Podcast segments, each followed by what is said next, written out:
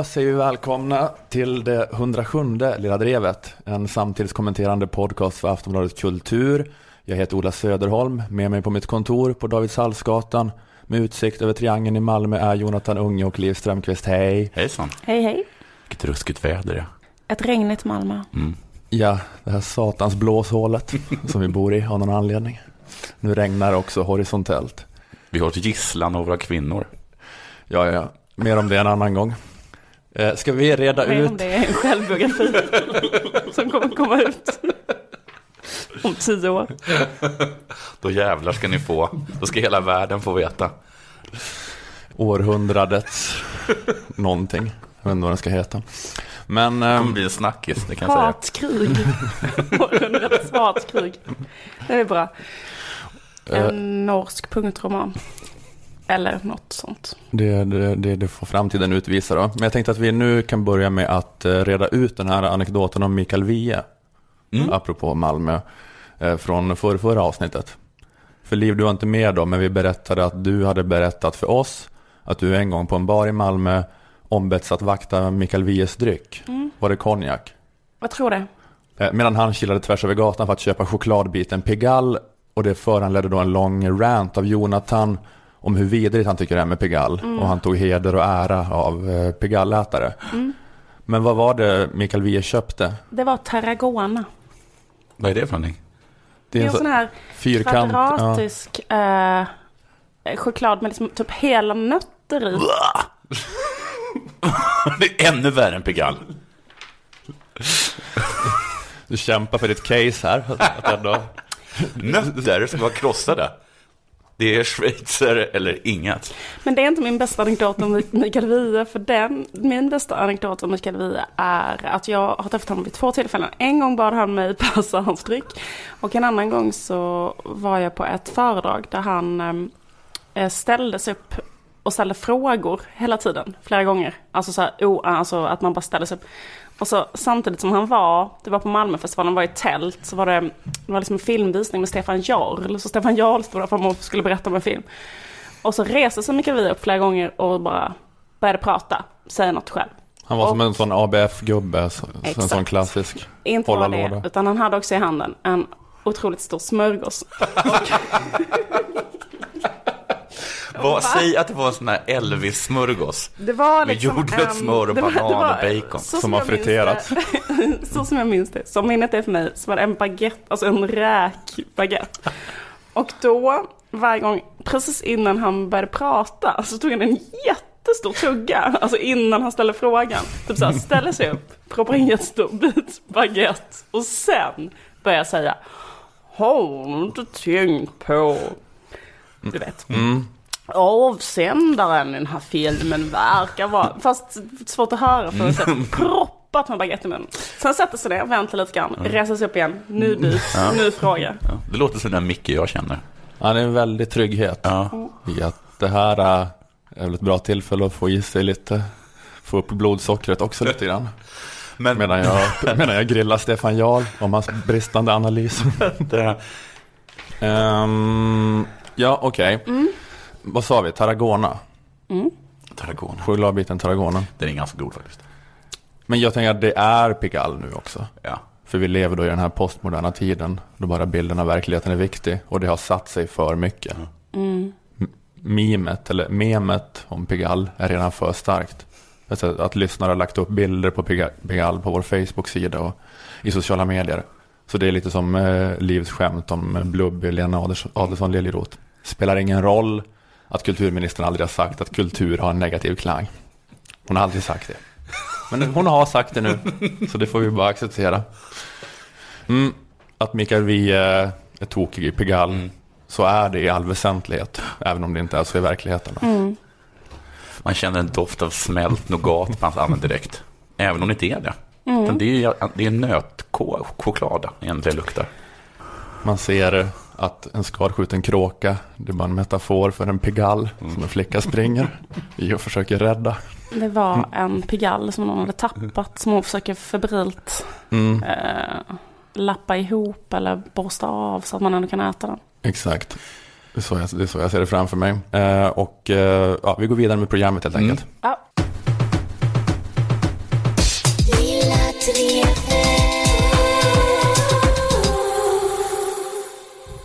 Det finns äntligen en ny medievinkel på eh, rapporteringen om svenska skolbarn. Eh, som jag tycker känns väldigt efterlängtad. Eh, ni vet att innan har ju vinkeln på allt snack eh, om svenska skolbarn väldigt länge varit så här. Att de är superdumma. Och att de bara blir dummare och dummare. Det är ett fritt fall av dumhet som pågår i den svenska skolan som inte går att stoppa. Mm. De är sämst. Sämst i PISA-mätningar, sämst i EU, sämst i OECD och så vidare och så vidare. Därför blev jag så glad när jag förra veckan lyssnade på Kropp och själ i P1 och fick höra en beskrivning av en annan typ av problem med elever i svenska skolan. Det är ett faktum att en ganska stor del av de allra skarpaste hjärnorna hamnar utanför redan i tidig ålder. Man skulle kunna säga att de helt enkelt är för smarta för sitt eget bästa. Och omgivningen förstås inte på dem. För smart för sitt eget bästa, de högbegåvade barnen hette det här programmet. Får jag bara inflika, jag vill inte jag helt skjuta ner din eh, prata, men det här tycker jag, alltså, det är väl eh, något som har funnits länge, Ja, eller hur? och, eh, du har rätt. Ja. Eller det har funnits sedan kanske 98. Ja, Ska jag säga. Att, vi kan, att vi, de, de smarta barnen dras ner av de korkade. Ja, just det. Så kanske det varit. Men just den här grejen att det finns en, en speciell grupp barn som är otroligt Jaha, begåvade. det här, det här är mer än bara begåvade. De här är de hyperbegåvade. eh, de kan kallas för högt begåvade eller särbegåvade. Jag tror att det blev lite en hype på, på kan det vara början av 2000-talet när det kom en bok som heter Underbarnets gåta. Då det började liksom komma igång lite grann det här att, liksom, att det finns en liten grupp barn som är då högt begåvade. Och att just den här lilla gruppen eh, högt begåvade eller särbegåvade barn eh, får då sin intelligens väldigt dåligt förvaltad inom den svenska skolan. Eh, Det är ingenting som man har lärt sig att jobba med eller vet vad det kan få för konsekvenser, hur det märks. Det är ingenting som har ingått i psykologutbildningar. Eller i lärarutbildningar. För det är ju, ja, det är inget man pratar om. Det här var en för- en förälder eh, till ett högbegåvat barn som kallas för David. Men det, det, finns ingen, det finns inte fem poäng genier på lärarprogrammet till exempel. Den kursen finns inte. Nej, precis. Det man undrar lite grann när man hör om detta, det är ju så här, vad, vad är egentligen liksom definitionen på vara högbegåvad? Ja. Eller vad är det för någonting? Eh, Mona Liljedahl, speciallärare och eh, expert och också föreläsare om högbegåvade barn, var gäst faktiskt i Morgonpasset, det här är ett tag sedan, men jag, eh, jag hittade det här klippet och hon definierade, Var hon också förälder till ett högbegåvat barn? eh, ja, hon är också förälder till ett högbegåvat För, barn. ytterligare en fråga, var hon ett högbegåvat barn? Mona Liljedahl? Ja. Eh, själv? Ja. Det vet jag inte, men Nej. hon är i alla fall expert och föreläsare om högbegåvade barn och speciallärare. Hon var gäst i Morgonpasset i P3 och, och då definierade hon um, högbegåvning så här.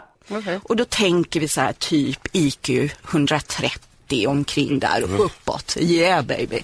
Kanske att hon inte var det. Man rycks med av att vara med i morgonpasset. Ja, det kan vara faktiskt att hon rycktes med. Hon har ett Man säger mustigt, så då. Hon hade, hon hade tänkt göra det med en, sån här, med en speciell röst först. Med en ganska lustig röst. hon har ett mustigt språk, den här specialläraren. Och vi ska höra lite mer på henne sen. Men vi går vidare. Vi har alltså definierat ett samhällsproblem här. Vi pratar inte tillräckligt mycket om högbegåvning i Sverige och eh, har eh, kanske inte särskilt mycket kunskap. Kanske är det också så att det finns jantelag i Sverige som gör att de här barnen liksom, eh, ja, inte plockas upp. Ingen får vara smartare och bättre än någon annan. Det är jättebra att eh, man nu då börjar prata om det här. Eh, men jag tänkte bara flagga för ett annat samhällsproblem som skulle kunna liksom flyta upp så att säga i kölvattnet av det här andra samhällsproblemet. Nämligen föräldrar som tror att deras barn är högbegåvade. Mm. Ja, för det kändes nästan som en mer intressant grupp att isolera och forska på. För, det var- Föräldrar som pratar i media om att deras barn är högbegåvade. Vad glad jag är att du säger det, för det är just det jag tänkte fokusera på här i Lilla Drevet, som ett Ja. slags komplement till de här uh, underbarnen. Usch, det känner jag mig träffad igen.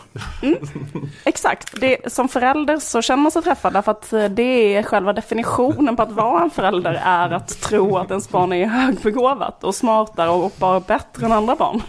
Det är liksom att, eh, det är liksom att vara en förälder. Att, tro, att tro det. Senast igår så, så, så, så sa jag faktiskt, mitt barn är geni. Mm. Sen höll inte min mor riktigt med. Då blev jag himla arg. Ja. Vad var det som föranledde det? Hon hade gjort en sån himla fin självinsikt av sig själv. Mitt, mitt, mitt, mitt högbegåvade barn då. Ja, Som, eh, som det här jävla samhället inte kan ta hand om. nej. Vad sa hon då? Jag kan inte exakt säga vad hon Nej. sa, men Nej, jag fattar. ni, ni hade ställt upp och skrikit geni. Ja. Och eh, dels att föräldrar eh, tenderar att tänka att deras barn är ett geni. Och också på grund av att, eh, vad ska man säga, tecknen för att liksom upptäcka högbegåvning är ganska så här, eh, vad ska man säga, eh, vida. Eller de skulle kunna stämma in på ganska många barn och ungdomar.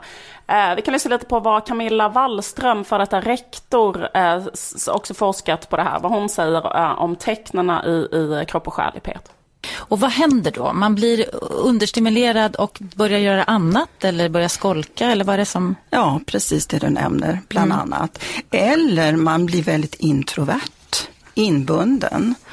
Och det är väl då det kan, ofta kan leda till att man blir deprimerad, man känner sig utanför.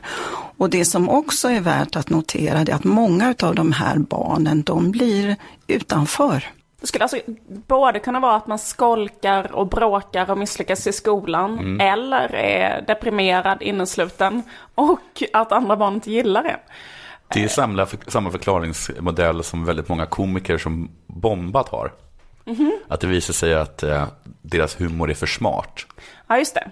De förstår inte mig. Men också att det är alla, att vad det än är för problem så kan det här ledas till eh, att det är att ens barn är överbegåvat. Precis, man skulle kunna Det, det är säga det som då det nya man- Folkhälsoinstitutets eh, tecken på att eh, ditt barn är cannabismissbrukare. Just det. Att vad än ditt barn gör så är det nog fett. Alltså den skulle kunna vara missbrukar cannabis. cannabismissbrukare eller högbegåvad. För det är ungefär samma. att den är bråkar, misslyckas i skolan, introvert. deprimerad, introvert. Um, alltså det är bara att barnet är en fuck up helt enkelt. Och dessutom en uh, fuck up som ingen gillar. En olikable fuck Eh, och då tittar man på sitt barn och ser så här, det är en olikable fuck up. Men så öppnar sig möjligheten då att den skulle kunna ha den här lite mer smickrande diagnosen, överbegåvad. Eh, vi kan lyssna lite mer tycker jag på, på vad Mona Liljedahl, eh, speciallärare och specialist på särbegåvade, säger om föräldrar. Jag är ju också konst jag är ju också konsult, förstår ni, för en, eh, ett särbegåvningsnätverk som heter Filurum. Och där har vi ju då massvis med föräldrar, alltså tusen föräldrar som har massor med historier och då, som eh, är helt otroliga. Och, de, eh, och det är ju unga då som på ett sätt eller annat har signalerat att jag vill veta mer, jag vill ha svårare, men som skolan liksom bromsar. Det kanske är något för dig, eh, Jonathan, eh, föräldranätverket Filurum. Vad gör jag? Jag, jag, jag, Det är för föräldrar som in- har ett barn som på, har signalerat att de vill veta mer. Och att skolan inte ger Mm. mig riktigt eh, vad jag själv skulle vilja ha. Filurum har gett mig redskapen att kunna pusha mitt barn i rätt riktning. Och vad- Tusentals föräldrar. Som har väldigt mycket historia Mm. om att deras barn är begåvade. Så det kan man ju tänka sig, kan bara, bara, bara... Vilket underbart möte de måste ha. Vilken underbar Facebookgrupp de har. hur går Filurums rent praktiska arbete till? Ja, men, det men det är byta erfarenheter. Tror du inte det kan vara mycket så hitta stöd i varandra? Eller Ja. att kanske mm, pusha för att det ska bli bättre elitskolor i Sverige eller något sånt där. Mm. Hur som helst, eh, jag blev i alla fall väldigt intresserad av den här föräldrarörelsen, av föräldrar som då tror eller vet att deras barn är överbegåvade. Så jag började kolla på nätet på sådana föreläsningar som just Mona Liljedahl håller om överbegåvning. Och hon har eh, bland annat en föreläsning som heter Brainchild. Det var en jätteintressant föreläsning. Och under föreläsningen så kommer det upp liksom en eh, myriad av olika kriterier och olika tecken som man kan tolka för att kunna se om ens barn är övergåvat. Eh, till exempel det här kriteriet. Men det roliga är att både killar och tjejer eh, som är begåvade är mer androgyna i sin självuppfattning. Alltså, och det blir väldigt tydligt när man kommer upp på gymnasiet. För de upp, upplever sig själva inte som eh, typisk kille eller typisk tjej utan de upplever sig som en typisk människa. Mm. Ja, nu blev det väldigt tydligt, som hon sa. Om det något Vad tydligt är det blev. skolkar eller är deprimerad eller är arg, ingen gillar den. Och nu också androgyn ytterligare ett tecken. Jag min son, du säger bög, jag säger smart. Nej, men jag tyckte det var kul för att det kom en publikfråga. Vi är snälla, vi bara måste lyssna på den här publikfrågan. Apropå det här uh, androgyn-kriteriet. Kan man även upptäcka det på väldigt unga barn? Ja, ja. Oh ja. Oh ja. Oh ja. ja, precis. För jag tänkte på, på min äldsta, när hon var liten så hade hon en, en vinröd Piraya-tröja på sig från killavdelningen, den stora modellen. Och på den så hade hon en rosa tyllkjol. Och så tog hon sin handväska och stoppade ner bilarna. Ja, just det. Det är så här fyraåring. Ja, precis. Nej, men oh, det kommer från början. Och sen Alltså det var bara föräldrar som började misstänka när hon hörde med andro- androgyn. Då drog hon sig till minnes en eh, fascinerande anekdot. Att eh, hennes dotter hade en lite för stor piraya-tröja och kombinerade med en tyllkjol. Och hade en eh, väska, handväska och stoppade ner bilar. Eh, och hon var bara fyra år. Superbög. Eh, kan hon vara särbegåvad? Rakt av ja, fick hon ju svara där på den frågan. Att så måste det vara. Det händer ju ibland att man ser bilder på supermodellers föräldrar. Och så hajar man till. Att de inte är så kanske jättesnygga. Aha. Och så har de fått så himla, himla snygga barn. Är det också så med smarta, smarta barn kanske? Ja, att de har... Två minus blir ett plus. Det är en teori. Det är en teori som, som jag tycker du har fått stöd för i de här klippen.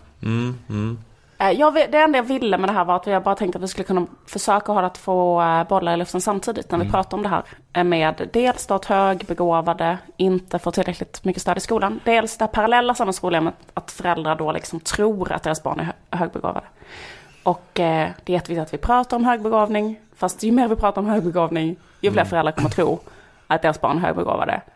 Så att det blir liksom lite som när man... Men det är islamofobi och man ska, man ska kunna tala om islamofobi och att det finns islamism. Just det, precis. Och vi måste kunna prata om liksom att, eller jag vet inte, att när man förbjuder något, man kan förbjuda något jättefarligt insektsgift eh, som gör att det blir bättre skörd någonstans i tredje världen. Det dör ut också då en känslig lövgroda. Ja. Så att det händer någonting positivt och så händer något negativt. Ja. Och så kanske det också måste få vara här, att det är, det kommer vara så. Och också, Alltså det positiva skulle vara ifall högbegåvade elever får mera stöd i skolan. Men det negativa är att eh, svagbegåvade föräldrar får mera utrymme att, att eh, förstöra sina barns liv. just det. Eller ursäkta sitt eget haveri i sitt föräldraskap därför att deras barn har blivit så fruktansvärt misslyckade. Nej, ja. eh, Men det var bara att jag bara kände att det är en fluga som sprider sig och ehm, att det är något som, eh, som börjar höras överallt. Ja. ja, men jag tror också att det är att det är så dumt eh, om man då är besatt av hur begåvad ens barn är att det ska bli framgångsrikt tror jag att det är så himla dumt att ge barnet självbilden att det är överbegåvat från att det, det är liten. Att om jag skulle uppfostra ett barn då skulle jag uppfostra det och säga att det var näst bäst hela tiden. Mm. För att så är det oftast för de som verkligen ska gå långt att Zlatan var näst bäst i alla lag. Tony Flygare var bäst. Men de ska säga att du är näst bäst, att du är den som kämpar hela, hela tiden. Så jag skulle, jag skulle starta en sån förening för Så här, näst mest begåvade. Eh, du, du skulle starta en förening som heter Trappsteget under filuren. Vi som står... Vi som inte är nöjda med våra barn. Nej, men det tror jag också är helt rätt, rätt faktiskt. Att, att få dem att känna att de aldrig riktigt duger. Liksom. Nej, men också att de är, de har det i sig, de är ändå inom räckhåll, man vill inte Ja. knäcka dem. Att, Nej. att Zlatan var ju bara, det var bara en som var bättre än honom i alla pojklag. Så att, eh, ja. Så det, det tror jag på, att eh, du, du är nästan bra, ska man säga till sitt barn hela tiden. Bra föräldraråd. Hoppas jag får med i morgonpasset och prata om det här. Skriva en bok om det. Ja, du kan ha en egen Not really a brainchild. Almost a brainchild. Kan din föreläsning heta. Nej men det är ju, jag tror verkligen att det kan vara en ganska bra metod för att göra barn knäppa. Att sådana barn som skulle hålla på att vara genier när de var åtta år gamla och hoppa över en klass och sådär.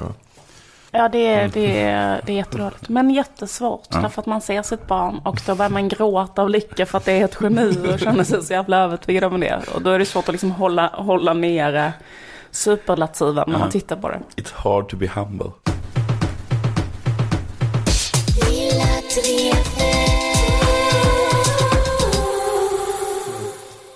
Jo, äldre vänstermän kan vara både bu och bä. Ja, Mikael Wiehe bu, säger jag. Men så finns det en som jag är ganska svag för. Och det är Jan Myrdal. Ja. Han är en person som jag alltid hört så himla mycket skit om och som jag instinktivt tycker illa om. Men varenda gång som jag hör eller ser honom så är det något som slår an en sträng hos mig. han är ju en sån som är ute i kylan. Ja, Mikael Wiehe är ju inne i värmen. Ja, Ja- Jan det är Myrdal. kanske därför. är Inte ju- bara det. Jag vet inte. Ja.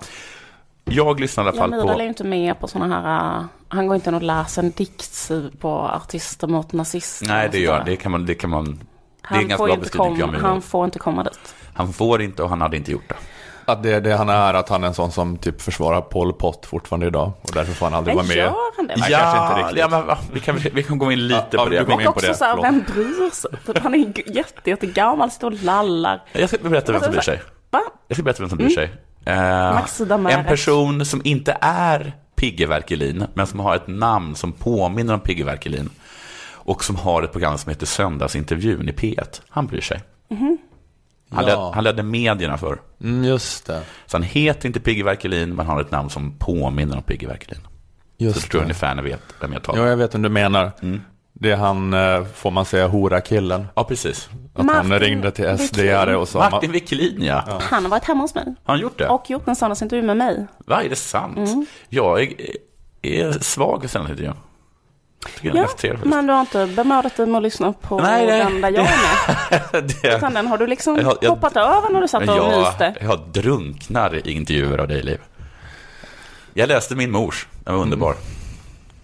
Ja, han har intervjuat honom. Han har intervjuat Jan Mm. Myrdal. En, eh, och precis som du säger, vem bryr sig?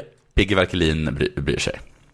För han är aktuell, Jan Myrdal. Han, fyller, han har fyllt 89 år. Han ska ha en utställning den 8 maj eh, för någonting på det där Lenin-hotellet i Leninbadet. Le- Leninbadet Ja. Mm. i, i Varberg. Där han bor, tror jag. Där han, jag tror att, att Jan Myrdal typ bor där. Och ibland går han ut och delar ut priser till folk som inte vill ha det. Så jävla underbart. Han bor i en badtunna. Ja. Och är 89 år.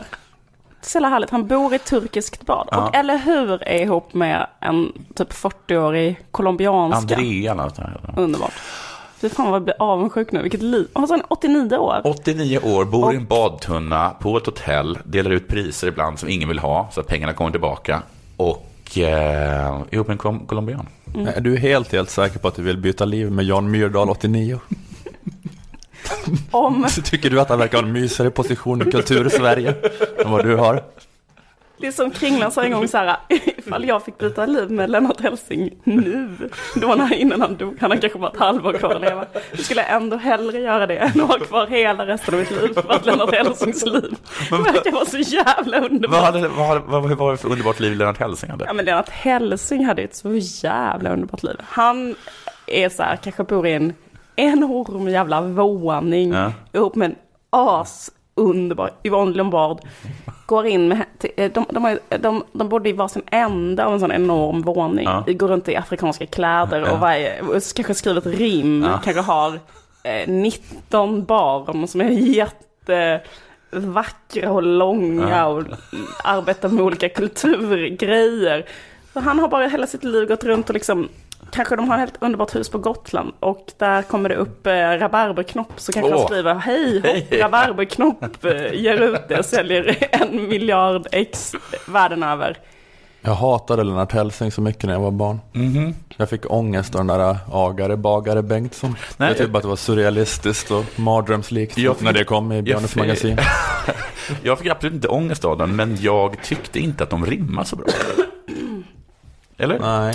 Att, att det ganska ofta är... Det är lite fel på rimmen, eller? Um, Jag, jag kanske bara läser dikter Ah, dåligt. nej, det är skitbra. Okej. Det är eh. Men får jag fråga en sak? Vad gör egentligen Jan Myrdal? Alltså jag menar, är det hans, vad är hans liksom, eh, jag, jag upplever att, hans, att han är mer känd än sina verk. Alltså personen är han nästan. var, det, för att var intervjun liksom också landade på sätt att det handlar liksom om hur det är att leva när man är eh, omsprungen av, av sin tid. Jaha. För att han var ju jättestor. Nu kommer jag inte ihåg vad den hette, men han gav ut, liksom, var det en trilogi som han gav ut som, där han liksom gjorde upp med sin barndom och då liksom eh, hängde, hängde ut, men liksom beskrev sin beskrivning av hur det var att växa upp med Gunnar och Alva Myrdal då, som var hans mamma och pappa, som liksom var, man kan, man kan kalla dem arkitekterna bakom välfärdssverige. Liksom. Men är han primärt liksom författare? Eller Ja. typ någon slags eh, Fan, det- författare och konstnär och lite så här Inte politisk tänkare? konstnär, Nej.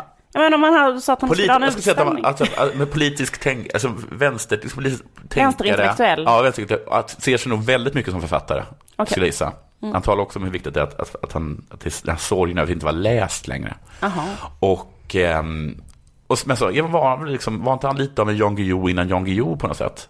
Han inte ja, var det inte att han hade FIB Aktuellt eller något så här, som Jan Guillou jobbade på? Att han typ var, att han satt liksom i, Om det låter bekant. Inte FIB Aktuellt. Jag heter inte det? FIB Kulturfond. Eller vad menar du? Folket i bild? Folket i bild, ja det är väl FIB Aktuellt, inte det? Den blev väl en porrtidning sen? Ja, okej.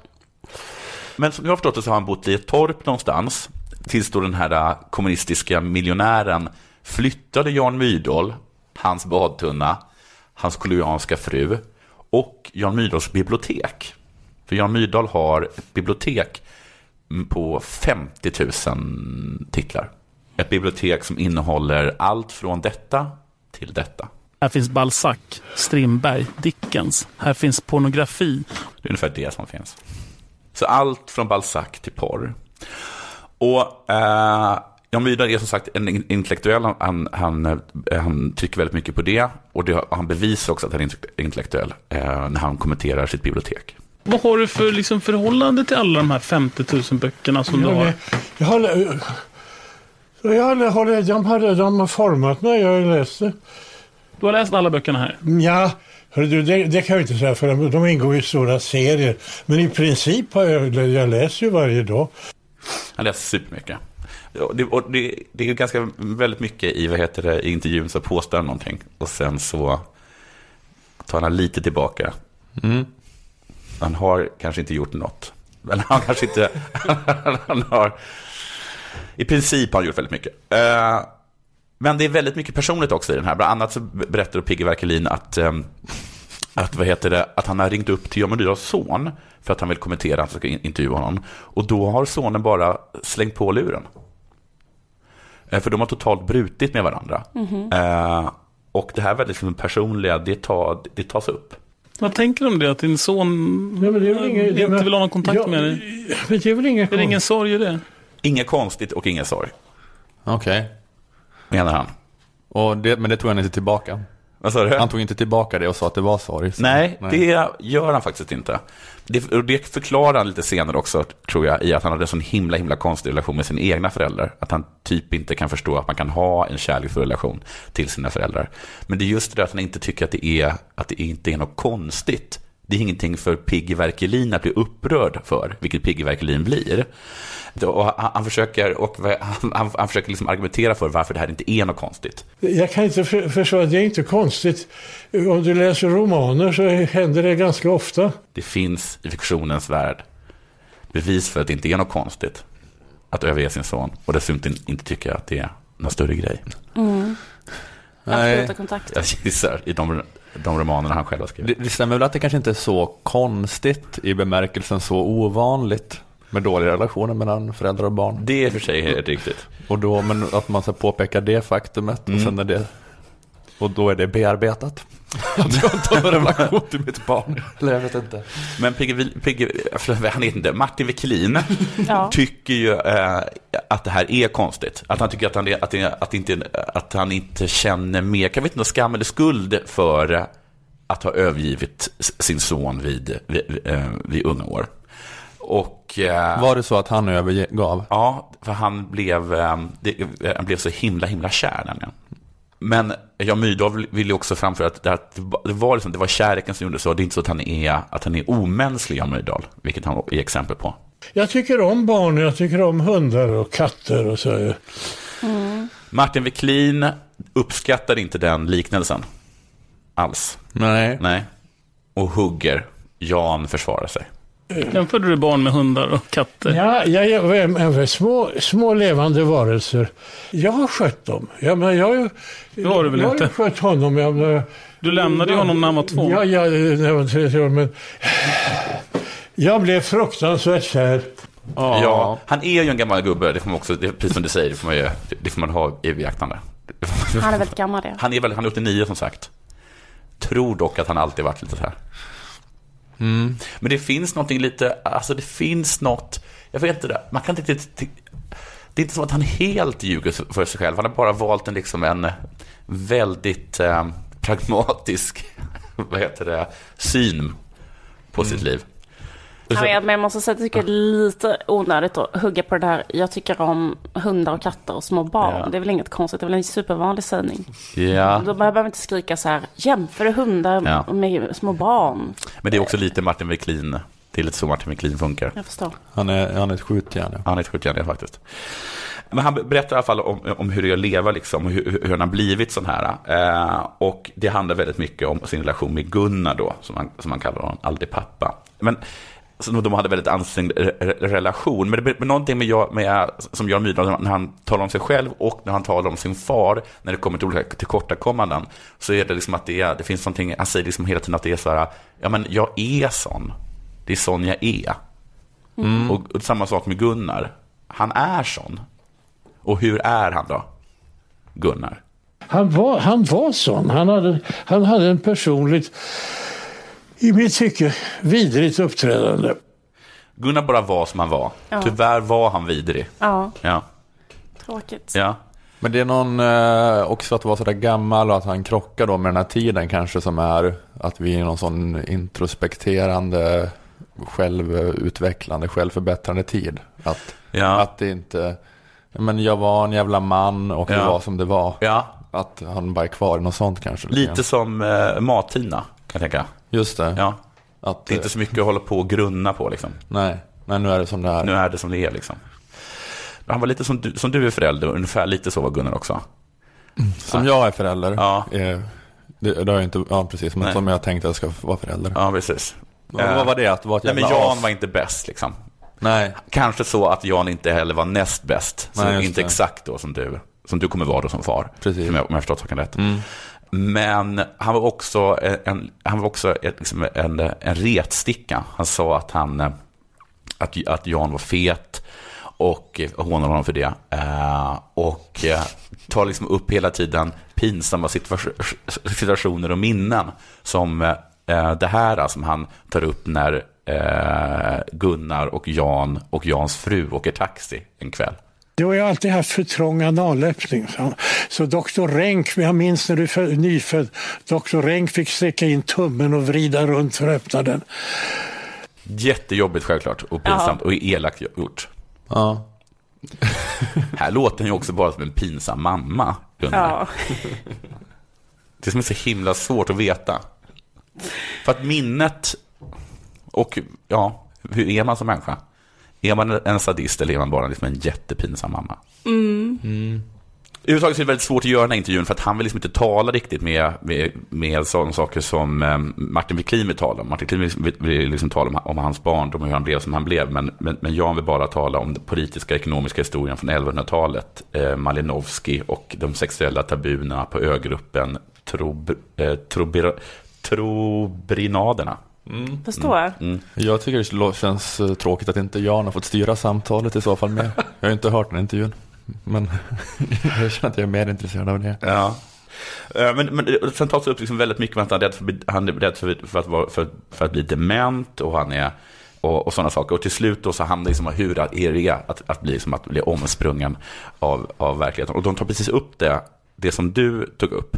Det vill säga att han delar ut det här eh, Leninpriset då, som är det stora priset. Och så delar de ut ett lite mindre pris som heter Robespierrepriset. Och det gick i år, skulle det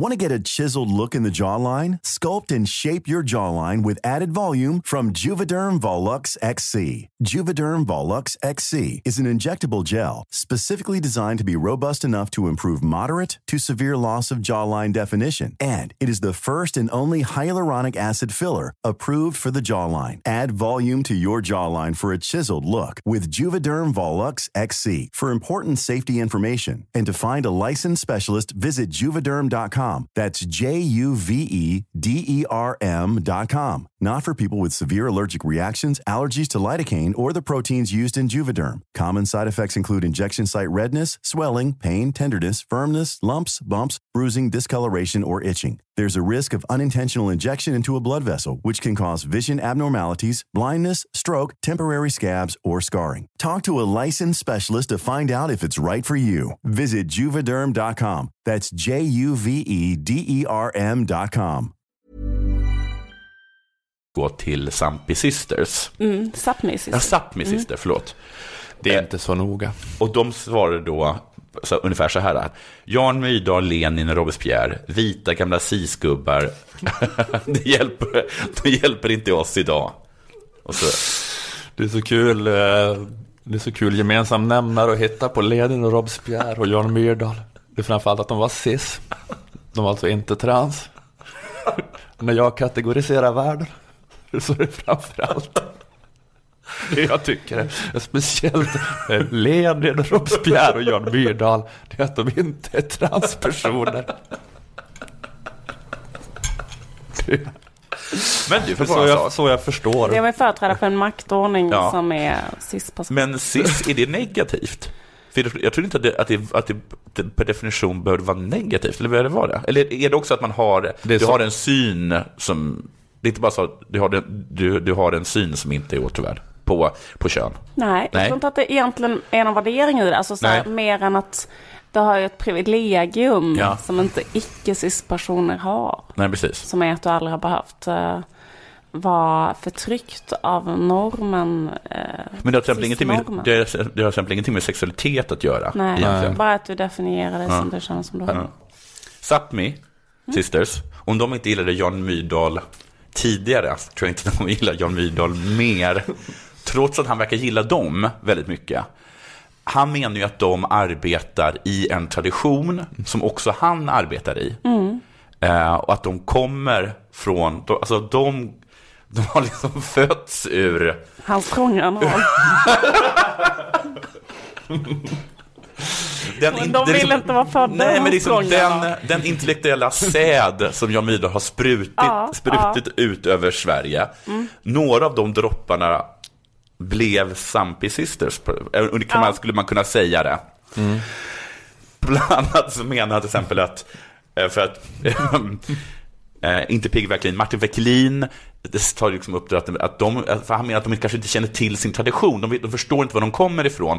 Och um, Verkelin menar då att det gör de visst för de kan allting om queerfeminism och sådana saker. Men det där har ju Jan Myrdal svar på, för att queerfeminism, den kommer ju fr- från far och son Lomax.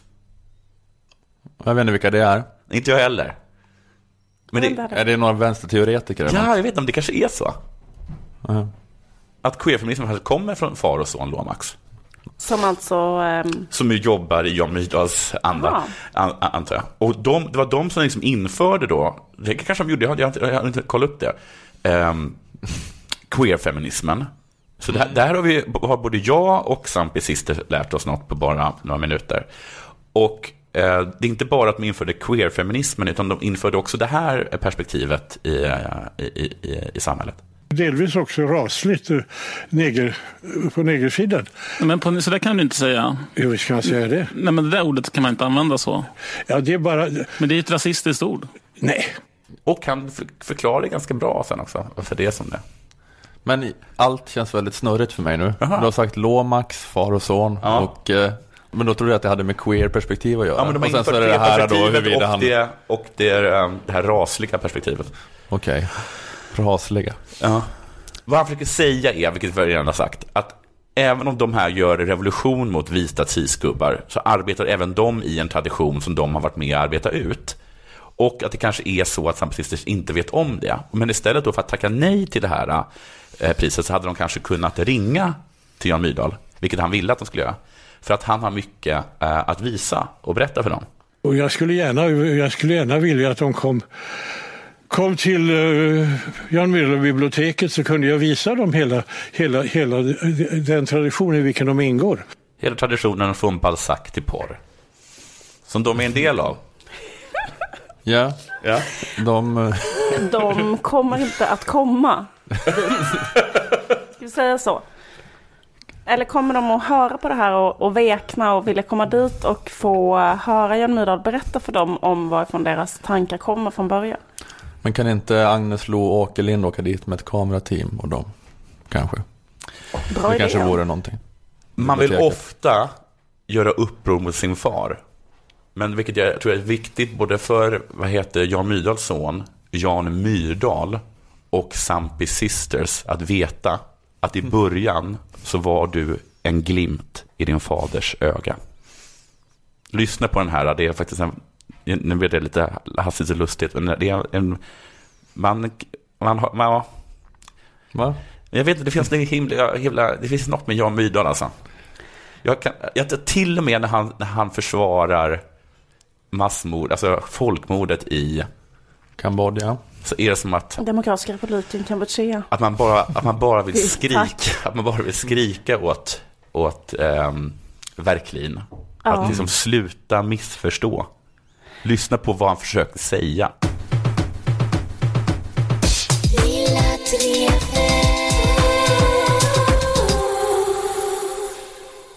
Jag följer eh, Gustav Reinfeldt på Twitter.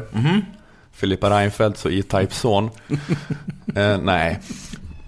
Han, eh, han är då eh, han är muffare och Mm. sociala medier-ansvarig i Fredrik Reinfeldt AB.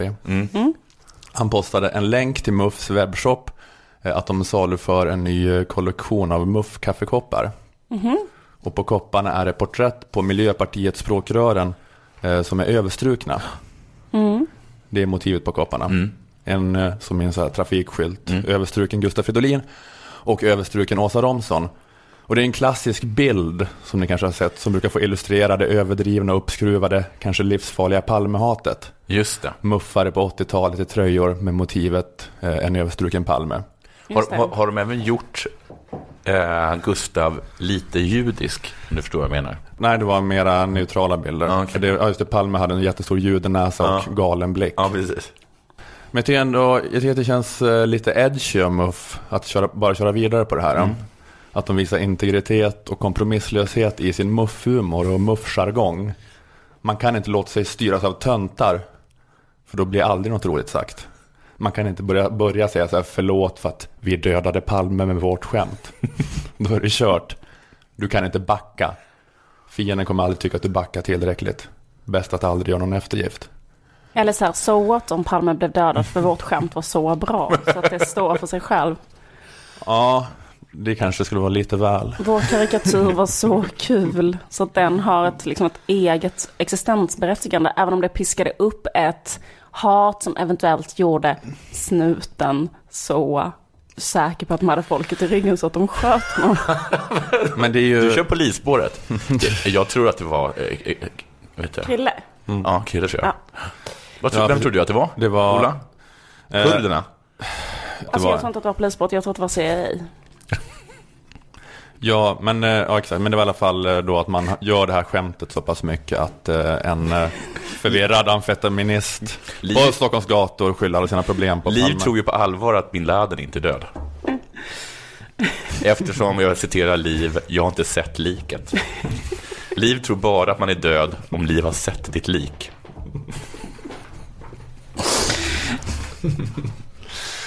Ja, okej.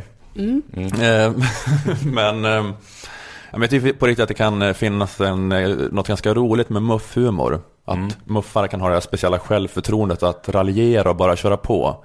Att de är som så här vänster, skjut Per Gudmundsson satiriker fast åt andra hållet. Ja. Och de så här skiter i att de utmålas som högerspöken eller de omfamnar det lite. Att andra borgare är mycket lättare för vänstern att shamea. De goda liberalerna, de vill bara ha vänstermänniskors bekräftelse. De tycker alltid innerst inne att vänstern är tuffa gänget, har ett mindervärdeskomplex. De har inte den här muffiga kaxigheten. De är inte som Hanif Bali. Nej, men honom. Hanif Bali är inte med i MUF. Han sitter ju för fan i riksdagen. Ja, men han var med i en muff till, för ett par år sedan kanske. Men jag följer honom på Twitter också och han, han är väldigt muffrolig. Och det är just det att han vill inte bli bjuden på Aftonbladet kultursfest. Han skiter i det genuint. Så han, han blir oåtkomlig för dem. Och de blir helt tokiga av att han tar sig friheten att tuffa sig och inte acceptera att vänstern är tuffa gänget. De är så här, hur kan, hur kan du hålla på och raljera? Och han säger bara, käften batikhäxa, sluta lipa. Men att de här etablerade raljans-twittrare som Ali Esbati och Kawa Solfagari, Aftonbladets ledarredaktion, de, de helt tappar sin tuffa gänget-swagger av Hanif Bali och bara blir så här, jaha, det här tyckte jag var himla tråkigt ton. Nu, nu ska jag skvallra till din partiledning. Så jag taggar in att Moderaterna får bara säga batikhäxa.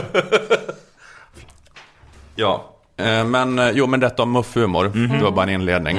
Eh, Att jag ändå respekterar den på Det någon var en nivå. liten, liten karamell att börja med. Ja. Eh, Men det jag skulle komma till egentligen då var då, men apropå de här nya, den här nya kollektionen av koppar då, att det har blivit den här väldigt roliga folksporten att basha Miljöpartiet. Det är inte bara muff. Från att ha varit det här safe-alternativet, som jag minns från min uppväxt. Miljöpartiet, helt safe accessoar för medelklassen. Ja. Som Acne-kläder eller en skiva med Amazon. Ja. En accessoar ingen blev imponerad av att man hade, men ingen blev heller arg. Nej. Men nu, alla är jättearga. Eh, och jag funderar lite på varför folk stör sig så mycket på Miljöpartiet nu. Jag stör mig jättemycket på dem. Gör du det? För jag måste säga att jag inte eh, riktigt hade fattat varför folk är så jävla arga. Jag stör mig supermycket och jag tror att det är exakt det där som man stör sig på. Just det där att man faktiskt inte har tagit ställning. Att rösta på Miljöpartiet är att Alltså inte jag stå för störde något. mig på dem extremt mycket innan. Men jag menar, jag måste säga att jag är inte så himla störd av att Åsa Romson har blivit så här väldigt illvilligt feltolkad för ett skämt hon sa typ i tankesmedjan. Ja, alltså vad är caset mot henne? Hon sa fel, hon Ja. sa olycka en gång om, alltså du vet, det är väl liksom, det känns som att eh, jag, jag, jag förstår Mm. inte riktigt folk som så här får blodsmak i munnen när de ser henne för att Ja, men jag tänkte att jag skulle gå lite djupare än då de här klantiga krishanteringarna Ja. och personskandalerna. Vad, vad då är grejen? Eh, Men ehm, Jag tror det är det att de vägrar ta, att de, att de tar typ in, att de inte tar några som helst konsekvenser av sin politik eller något ansvar. exakt, ja, men det det, det och det är, det är egentligen ingen raffinerad insikt. Men jag tror att det är det, att det är kanske det att de, de aldrig vill fatta ett jobbigt beslut och stå för det. Att det här med att vara då ideologilös och ointresserad av målkonflikter utan istället bara lite allmänt vara för bra saker mot dåliga saker. Hyfsat vinnande koncept när man inte har makt. Men, men när man är på det viset i regering så blir folk helt vansinniga. Alltså folk blir helt jävla tokiga. Det var eh, Eva Stenberg eh, som är politisk kommentator för DN var med i Agenda och pratade om det när hon fick frågan om eh, vad tror du Stefan Löfven tycker om Miljöpartiets agerande. Jag tror han är otroligt besvärad. Han, över två saker tror jag. Det första är att han har under hela sin tid, även när han var på Metall, varit väldigt noga med att förankra beslut, lyssna på folk och när besluten är fattade, då ska alla vara lojala. Och det har inte Miljöpartiets språkrör varit i Socialdemokraternas ögon. De har Gustaf Fridolin har kallat beslutet om den stramare flyktingpolitiken för skit och nu när då ett statsråd avgår förankrat på ett sätt som då Stefan Löfven tyckte var värdigt för Bostadsminister honom. Precis, bostadsminister Kaplan tvingas avgå så, så går språkrören ut och har bara lo, lovord över. De kan inte förklara varför han var tvungen att gå egentligen. De var inte lojala med det beslutet som statsministern då fattade.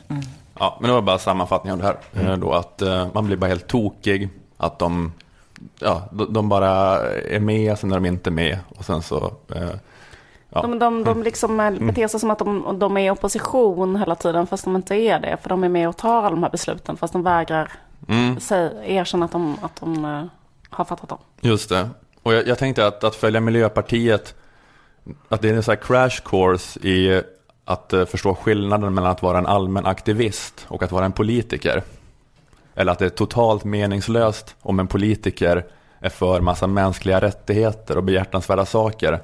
Om den inte också samtidigt är cynisk och kallhamrad och redo att bestämma över vilka som ska få leva och vilka som måste dö. Att det är det speciella med en politiker. Om att, att om den ska kunna driva på utvecklingen mot mer humanism och idealism och sånt vi vill ha, då måste den också klara av att fatta fruktansvärda beslut.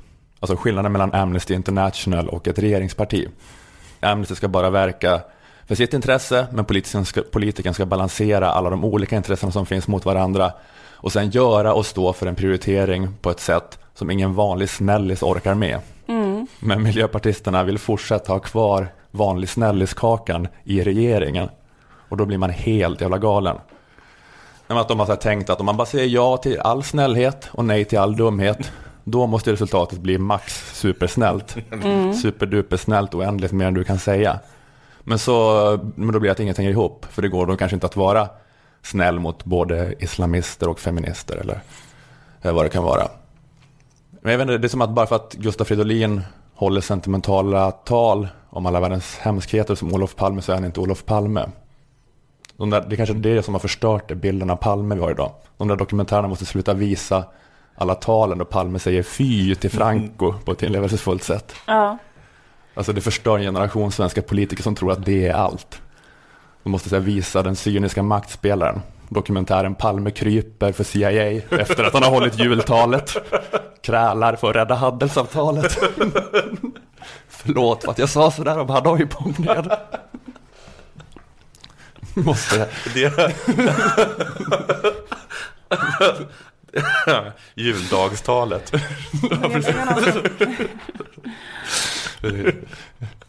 Juldagstalet, telefonkonferens med CIA. Han kom med på att de får ha hemlig militärbas i Stockholms skärgård. Men se, Det går ändå inte med på, på, på det utan lejer Christer Pettersson för skjuta honom. Ja, ja. Nej, men jag tänkte på det här med att eh, vara politiker, vad det är. När jag såg ett klipp med Tysklands förbundskansler Angela Merkel. Mm. Eh, och det var ett klipp som var viralt för något halvår sedan. Hon var med i ett tv-program där det var en frågestund där studenter och skolelever ställde frågor till henne. Och då var det en 14-årig palestinsk flicka som hette Rem, eh, som bott i Tyskland i flera år. Pratade flytande tyska. Eh, hon ställde en fråga. Ich habe ja auch Ziele, so wie Jeder jeder andere, andere. genau, klar. also ich möchte studieren, wirklich wie Ja, eh, hon lät så. Hon berättade att hennes familj skulle deporteras. Att hon mådde dåligt, att hon kände oro. Att hon skulle lämna skolan när hon går, att hon ville vara kvar i Tyskland och studera och bygga sitt liv där. Började gråta så småningom.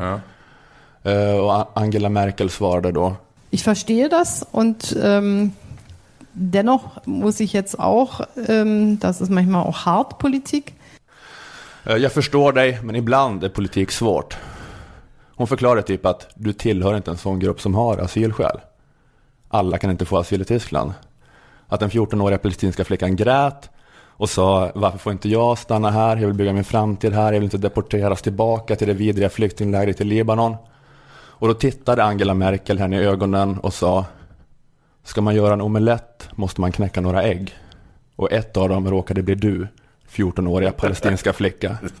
Inte exakt med de orden, men det var det hon sa Ja, i princip. Kom tyska polisen in sen och tog henne i armarna och släpade ut henne till flygplanet. Det här var en eftergift för att inte bli skjuten av CIA. Ja, och det är ändå det då som det innebär att vara politiker. Att hon tog ingen enkel väg ut som hade gjort det mysigare där och då. Alltså man kunde sagt, åh jag ska be någon kolla på din familjs fall. Utan hon stod för det som var Tysklands politik även där. Och jag har bara en känsla av att eh, miljöpartisterna är inte där ännu. Nej. Inte riktigt på den Nej. nivån i sin förmåga att kunna stå för ett politiskt beslut. Men de, de hade tyckt att det var mysigare den situationen med den palestinska flickan att bete sig på ett sätt som gjorde att de även fortsättningsvis kunde gå runt och high-fivea på hela mm. Sverige skramlar. Men det- det- Festivalen, ta selfies med, med coola kändisar. Men det är för att just att det här, är- jag tycker bara det är så intressant det ögonblicket med den här palestinska flickan, det är så jävla rått och hemskt och det är så himla ställt på sin spets då vad det är att vara politiker.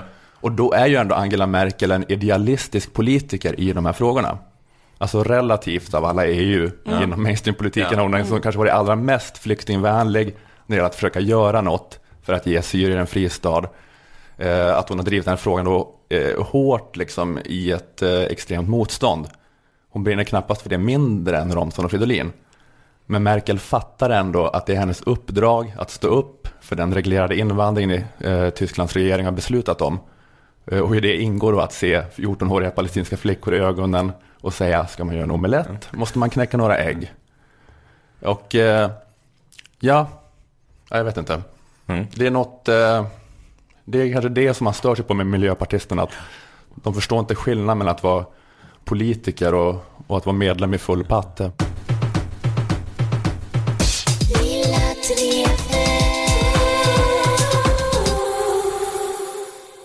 Jag har lyssnat på ett avsnitt av eh, Lilla Drevet som sändes för två veckor sedan. Mhm. Där ni två var med. Ja. Och jag var inte med. Nej. Ni var här med Anna. Ja. Och eh, det var avsnitt 104. Och i det avsnittet så pratade du Ola om att alla idag är jätterädda för terrorism och betraktar det som det största liksom, hotet i vår tid.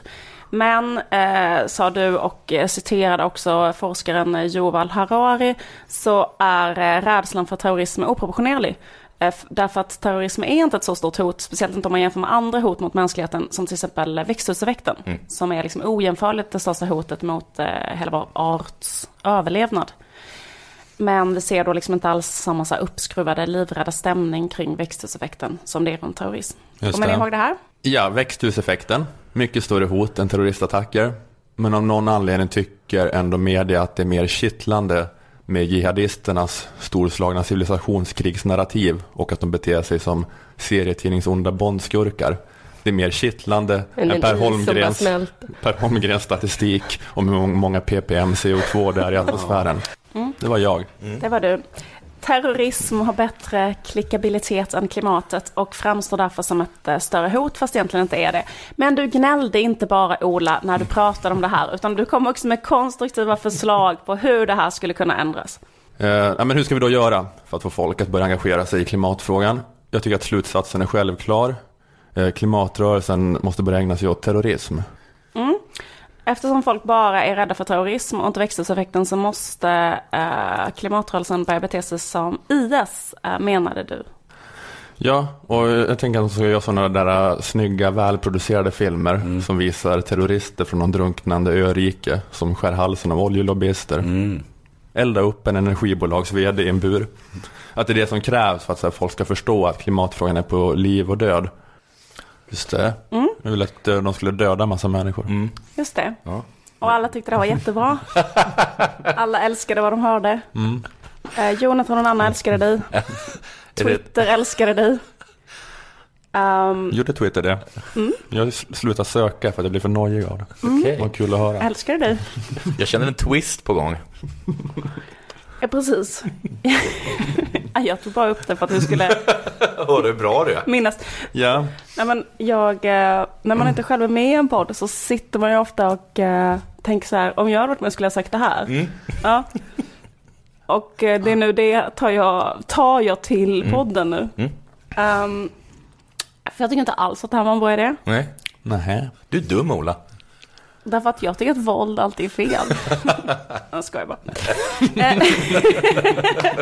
Nej men jag tänkte så här, det är inte, jag tänker att om klimatrörelse, jag tycker att det är en jättebra idé. Jag tycker det stämmer, växthuseffekten måste få större uppmärksamhet. Jag tycker det är en jättebra idé att blanda ihop terrorism med klimatfrågan. Allt är jag 100% med på. Men jag tycker att det är inte alls en bra idé att klimatrörelsen börjar bete sig som IS.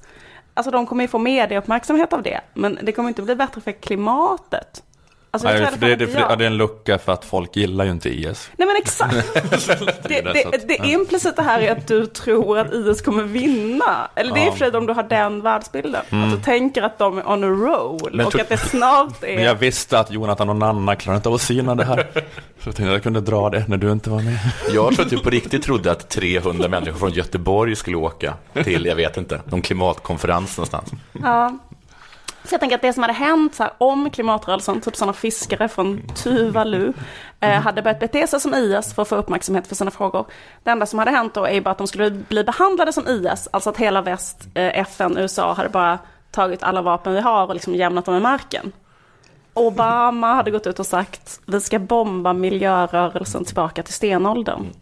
USA hade istället för att deklarera war on terror deklarerat war on the environment. De hade letat upp miljörörelsen i vartenda litet gryt de gömmer sig, åkt ut till så här varenda självförsörjande hippie på landsbygden, varenda ekoby på Österlen och liksom rökt ut dem ur sina hål. Eh, skickat så här värmesökande drönare på varenda så här biodlare och glaskonstnär, Hade, eternellbonde. hade nyheterna gjort så här reportage efter att det hade varit en sån miljöterroristattack. Nu ska vi åka ut och träffa helt vanliga miljövänner som inte alls är våldsbejakande. Du får faktiskt inte blanda ihop det här. Nej, så har det blivit. Ja. Men det hade ändå varit eh, stigmatiserat och miljöpartistofobin hade ökat lavinartat. Och det skulle räcka att någon skulle ha en sån typ, eh, kanske noppig ylletröja som Per Gahrton har. För att den personen så inte skulle bli anställd på ett jobb. Folk skulle byta sida på gatan. Eller vissa extrema fall. Försöka slita av den personen, hans miljömuppiga tröja och skrika. Sådana som ni ska inte vara här. Det kanske skulle också er. spä på utanförskapet då och eh, leda till en radikalisering i olika sådana ekobyar. Att Mm. Per Gahrton då går runt där och tvingar unga tjejer att ha på sig noppiga tröjor. om, vi, om ni ser oss som terrorister, då tänker vi bli det. Just det. Och det skulle också bli ett politiskt statement mot terrorism att så inte bry sig om miljön. Det skulle bli en sån här grej, Mm. eller hur? Att göra miljöfarliga saker. Alltså att västdemokratier skulle så här, i demokratins namn hälla ut olja i olika överkänsliga ekosystem. Kanske. Precis, och, och, och precis som det är nu, liksom att så amerikanska presidentkandidater måste understryka att de är kristna eller att de tror på Gud, så, här, så skulle de behöva understryka att de liksom är trovärdiga i sitt så kompromisslösa hat mot miljörörelsen. De skulle behöva säga så här, jag älskar mitt land och varje söndag tar jag och min familj och stoppar ner glas, papper, gamla batterier och gammal elektronik i samma påse och bara slänger det in i sopnedkastet. Eh, Så därför så tror jag att, att, ehm, att för att man ska liksom få den här grejen, att få uppmärksamhet för klimatfrågan eh, med hjälp av terrorism, då måste det vara liksom den andra sidan som utför terrorismen. Alltså det måste behövas, behövas en sån här anti-miljöterroristgrupp. Jag tänker till exempel så här, att man skulle kunna ta, och man behöver ju liksom en, för att, för att få upp den här kittlande eh, stämningen som gör att man bryr sig så behöver man mer, mer tydlig ondska från miljöförstörares sida. Mm. Till exempel den här vdn för Volkswagen som fick avgå, Martin Winterkorn kanske han heter. Eh, han höll på att fuska med de här dieselutsläppen och blev sen sparkad. Eh, Ingen vet vad han gör nu. Om han verkligen skulle vilja göra någonting för klimat, för, för miljön, för att liksom sona sitt brott, så har jag en idé på vad han skulle kunna göra. Han skulle kunna, efter att han avgått, bara gå under jorden, flytta in i en grotta, kanske typ en högteknologisk grotta, eh, och börja bygga upp en terrororganisation mot miljöaktivister. Och börja göra politiska mord, precis som du sa Ola. Men att de då politiska morden är riktade mot miljörörelsen. Typ spränga klimattoppmötet i Paris. Kidnappa Johan Rockström, sätta honom i en bur, elda upp honom. Eller Åsa Romson. Då skulle ingen bry sig. Nej. Johan Rockström. Mm. Det är ett jävla intrikat dubbelspel Ja. som ska till. Alltså en, är miljöbov som eh, ska börja liksom mörda miljöaktivister för att han sympatiserar med dem. Ja. Det- det att är- eh, Johan Rockström ska offras och Johan Rockström kanske är med på det här och vet om att det är Ja. för the greater good. Men det, och det här är faktiskt- jag tror det enda som skulle eh, faktiskt kunna rädda miljön. Tyvärr så har Gustaf Fridolin och Åsa Romson inte the balls Nej. att göra det här. De är inte nog kallhamrade politiker för att genomdriva det här. Eh, jag tänker att eh, det är inte förrän då som, som, eh, som vi skulle kunna få den här, den här känslan kring klimathotet som gör att man på riktigt skulle vilja göra uppoffringar och sluta bry sig om så här inskränkningar, så som det har blivit med terrorism, eller hur? Ingen bryr sig om att det liksom är jätteomfattande kontroller på flygplatser eller att det kanske är massövervakning och sådana saker. På samma sätt hade man kunnat in, ifall man hade en sån ond um, miljöterrorist, Mm. antimiljö, då hade man kunnat gå med på vad som helst. Typ att det stod så kontrollanter på ICA och liksom eh, man var tvungen att visa upp sin kassa så att man inte hade handlat något Ja. miljöfarligt. Eh, man fick kanske köpa en miljöfarlig grej um, 100 gram av en vindruva eller en tigerräka och då fick man själv lägga den i en sån Mm. eh, liten plastpåse och visa upp en sån återförslutbar. Jag tänker vad som Ja, men- egentligen ja. skulle behöva Men göras. stick- och, och, Stickprovsrazzior för att kolla att man, att man, eh, att man sopsorterar. Ett angiverisystem Mm. där man tittar så här, du handlade, eller liksom, vad- du slängde något på whatever, på gatan. Och ha- Den typen av över, stenhårda övervakningssamhälle. Och har man handlat något miljöfarligt där på ICA då har staten rätt att bara nypa en och ha en på Guantanamo i 18 månader utan rättegång. Just det. Du sneglade på en eko, Ja. inte ekologisk tomat. Ja. Och eh, allt detta kan bara hända ifall Martin Winterkorn gör en sån eh, serietidnings... Eh, han kanske, jag vet inte vad, han blir Mm. van, han kanske, hans ansikte har blivit vanställt på grund av en olycka och han, han, ja, han gömmer sig i en grotta, Nå, någonting. Sona ditt brott genom att bli Batman-skurk. Som döda miljöpartister. Ja. Nej men jag, eh, eller miljöaktivister, jag ska inte blanda ihop det. Men eh, jag, eh, ja, men det kanske är att jag tänkte att deras sak, de här terroristernas sak hade varit så behjärtansvärd så de hade fått allt det folkliga stödet. Precis som Röda Mm. Ja, precis som Röda arméfraktionen. De hade ju jättestort folkligt stöd. Mm. Källa Jan Myrdal. Har du tagit Nej, men har du något exempel på ett, eh, en, en, en terrororganisation som varit behjärtansvärd? IRA. Ja, just det. Men hade de ändå liksom så mycket, alltså ser folk verkligen IRA positivt så här och tänker så här, de, de borde få Hamas har ju vunnit ett demokratiskt val. Ja. Självständighet? PLO. Eh, Tror vad du heter det hade det? varit bättre för, alltså eller, det, Eller det varit. prova med den här behjärtansvärt med stort folkligt stöd. Ja men alltså stort folkligt stöd har ju de också haft ba- eh, i Basken till exempel, Mm, ETA. ja. Men frågan är ifall det inte hade gått, eller i och för sig, nej. Nej, Okej, men du okej. kanske har rätt. För jag med- ETA, ingen ja. hade brytt sig eller Nej. spelat någon roll om Basken. Alltså ingen hade ens tänkt på saken ifall inte ETA hade funnits. Jag vill berätta en liten historia om eh, ett gäng grabbar som en kväll sprang ut mitt i natten och kastade te i vattnet. Och det är de grabbarna, de la grunden till en av kanske de största nationerna som någonsin har funnits på den här planeten. Mm. Och det jag talar om är alltså the United States of America. Ja, de var ju terrorister i engelsmännens ögon. Jävla perspektiv alltså. Men det är det som jag och Jan Myrdal har. Det är därför vi inte kan tala med Pigge Werkelin om folkmordet. För vi har liksom här uppe, här Ja. tittar vi. Ni är inte bara inne i någon sån eh, Twitter-media-logik som Pigg är. Nej. Om, eh, utan ni, ni har makroperspektivet. Ja. Jan Myrdal vill ju göra en utredning, inte av eh, folkmordet i Kambodja, vilket inte behövs för det har han gjort utredningar. Men han vill, göra, han vill göra en utredning om hela, om allt, om allt från 1975 och framåt. Allt som har hänt Ja, överhuvudtaget. ja, men han gör en stor utredning om det. Ska han börja med det nu vid 89 års ålder? Ja, men, ja kanske, men det kanske att, jag vet inte om, om, han, om, han, om han genom söndagsintervju talade till mig, gör en utredning om allt från 1975 och framåt. Och sen kan vi uttala oss. Du- när den är klar. För du känner dig så att du, verk, att du ska verka i hans anda nu? Att du kände att han, att du känner dig besjälad av Jan Myrdal? Jag, jag kan säga att jag är fullt villig att ta, ta emot Robespierre-priset. Ja, men gud vad Mm. bra. Då kanske Mm. du får det. För att det är ju, ehm, Ja, det är ledigt, så här, inte ja. Mm. Men det är bra, då har vi fått ut det.